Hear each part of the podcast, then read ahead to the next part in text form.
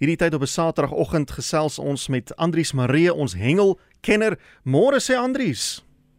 Môre sê Willem, eh, môre aan die luisteraars. Ja nee, is lekker om met jou te kan gesels volgende. Nou wat gebeur eh, langs die hengelwaters? Jette Willem as baie nie jong. Um, op hierdie stadium met die goeie reëns wat geval het, hier veral in die in die ou Transvaal area as ek dit so kan uitdruk in die opvangsgebied van die Vaaldam en ook Bloemhofdam het dit veroorsaak natuurlik dat uh, Vaaldam en Bloemhofdam op hierdie stadium baie vol is. En uh, wanneer dit gebeur dan stoot die wateroppervlakte gewoonlik baie hoog op en die water beweeg dan in die grasse in wat normaalweg buite kan die water staan. En uh, dit beteken dat die visse baie meer ekstra weidplek het om te wy en ook baie meer kos het om uh, te kan eet dan nou en uh, uit die natuur se samestelling beteken dit dat hierdie goeie omstandighede die vis aktiveer om om beter te broei en uh, op hierdie stadium is daar baie klein vis wat gevang word by Valdam as gevolg van die goeie brand uh, broei sessie wat dan nou plaasgevind het die afgelope 2 seisoene. Mm. So die vangste van die hengelaars oor die laaste tyd uh, was baie goed geweest veral met die jong uh, kleinbekgeelvisse, die moddervisse en graskarpies wat gevang word en uh, natuurlik ook die gewone karpies en wat dan nou ook gebeur as hulle so hengel vir hierdie kleiner vis dan uh, vang hulle sommer 'n klomp, sommer maklik tussen 50 en 60 visse wat so op 'n uitstappie gevang word. Ja, en uh, as 'n mens dan nou van hierdie kleiner visse teiken, gebeur dit dan nou ook dat jy 'n groter een tussenin vang en dit is waar Morne Mostert, uh, een van ons hengelaars daar by Steyn se plaas daar by Valdam 'n baie mooi graskarp gevang het van 7.6 kg. Hm. Vir ware mooi graskarp, was 'n mooi foto van hom. Ek het dit gelaai daar op die Breakfast Facebookblad en die luisteraars kan gerus gaan kyk na daardie mooi vis.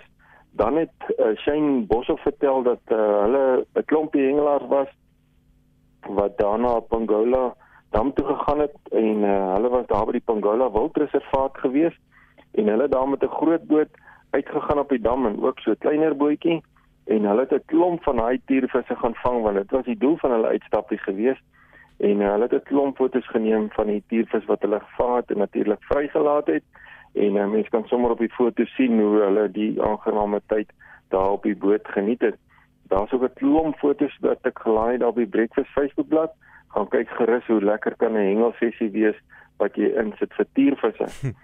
Dan Willem verlede naweek het ek uh, vertel van die pragtige visse wat uh, gevang kan word in die see en so het Shannon Werketas dan nou ook uh, tydens 'n Zululand kompetisie 'n pragtige speckled snapper of 'n gespikkelde snapper gevang. Uh, dis ook een van die mooi seevisse wat uh, die hengelaars partymal vang tot van tyd tot tyd. En Shannon het nadat hy die foto geneem het, die vis uh, in een van hierdie rotspoele gesit totdat hy hom mooi kon laat herstel het voordat hy uh, die vis teruggeplaas het in die see. En uh, dis natuurlik 'n baie goeie ding om te doen om seker te maak dat die vis herstel het voordat jy hom terugsit in die see. Hmm. Hy het 'n mooi foto van uh, sy vis geneem en uh, dis ook gelaai daar op die Breakfast Facebookblad. Gaan kyk gerus na daardie kanarie geel vis wat in die see voorkom. Dan oor die Paasnaweek was daar heelwat goeie vangste gewees by Struisbaai. Dis natuurlik daar onder in die Kaap en daar het heel wat verskillende vis uitgekom wat uh, insluit geelstert en ook kabeljoue. Dan het Ryan Dillon, hy's daar van die Durban Skiboot Klub, het hy ook 'n paasnaweek uh, een van die dae uitgegaan op die see en uh, die kwaai winde het bietjie gepla maar hy uh, volgehou en hy kon toe nou beloon word met 'n pragtige queenfish en uh, daar's ook 'n mooi foto waar hy sy vis vashou die uh, geel lyf van die vis met uh, natuurlik daai uh, prominente kolle wat 'n queenfish uh, op het. Die foto is ook daar op die Breakfast Facebookblad. Dan Willem, is dit soms nodig om so 'n bietjie te gesels oor die minder aangename goed van hengel.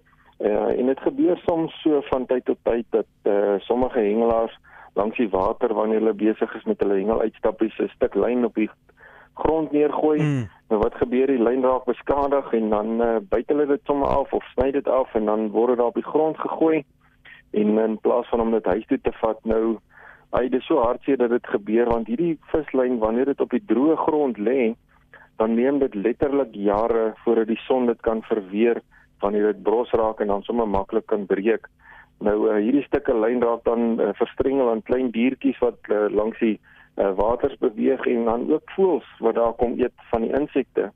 En dan raak daai lyn verstrengel aan hulle vlerke of aan hulle pote. En ongelukkig sal daai diertjie dan nou verlang lê met daai stuk lyn of ehm uh, hy raak geskend of of ongelukkig sterf hy af. So dit is so noodsaaklik dat ons moet omsien na ons natuur en en die lyn huis toe vat en ja. as jy daar rondloop en 'n stukkie lyn sien, tel dit maar op vat dit huis toe en gooi dit in die braaivuur of sny dit in klein stukkies so 5 cm lank met 'n skêr of 'n mes en dan kan jy dit maar weggooi want dit sal weer vir vir uh verweer in die son. En uh Mac Wemmy het 'n uh, foto geplaas waar hy 'n muisvoël gekry het wat in die boom gehang het as gevolg van 'n stukkie lyn wat om sy poot was. Jo. En uh ja, wel my was so goed geweest hy kon die voël toe nou uithaal en die vislyntjie afhaal van sy poot en die en die uh, voël dan nou vrylaat uh sonder dat hy beskadig is. So kom ek vra die hengelaars en die mense wat so langs die water beweeg, kom ons help, kom ons pas die natuur op en ons hou dit skoon sodat daai vislyn nie langs die water lê en visse en voëls en uh, klein diertjies beskadig nie. Nou ja, wat volgende week vertel ek van die groot Tina kompetisie wat hierdie week plaasgevind het daaronder by Houtbaai en uh, dan praat ons weer volgende week. Baie dankie en groetnis aan almal. Ons sien uit daarna. Baie dankie. Die stem van Andrius Maree wat elke Saterdagoggend kwart oor 6 se koers aan ons die hengelnuus bring van reg oor Suid-Afrika. As jy met hom wil kontak maak, stuur 'n e-pos aan hengel by rsg.co.za en tel daardie vislyn op of dit nou joune is of nie.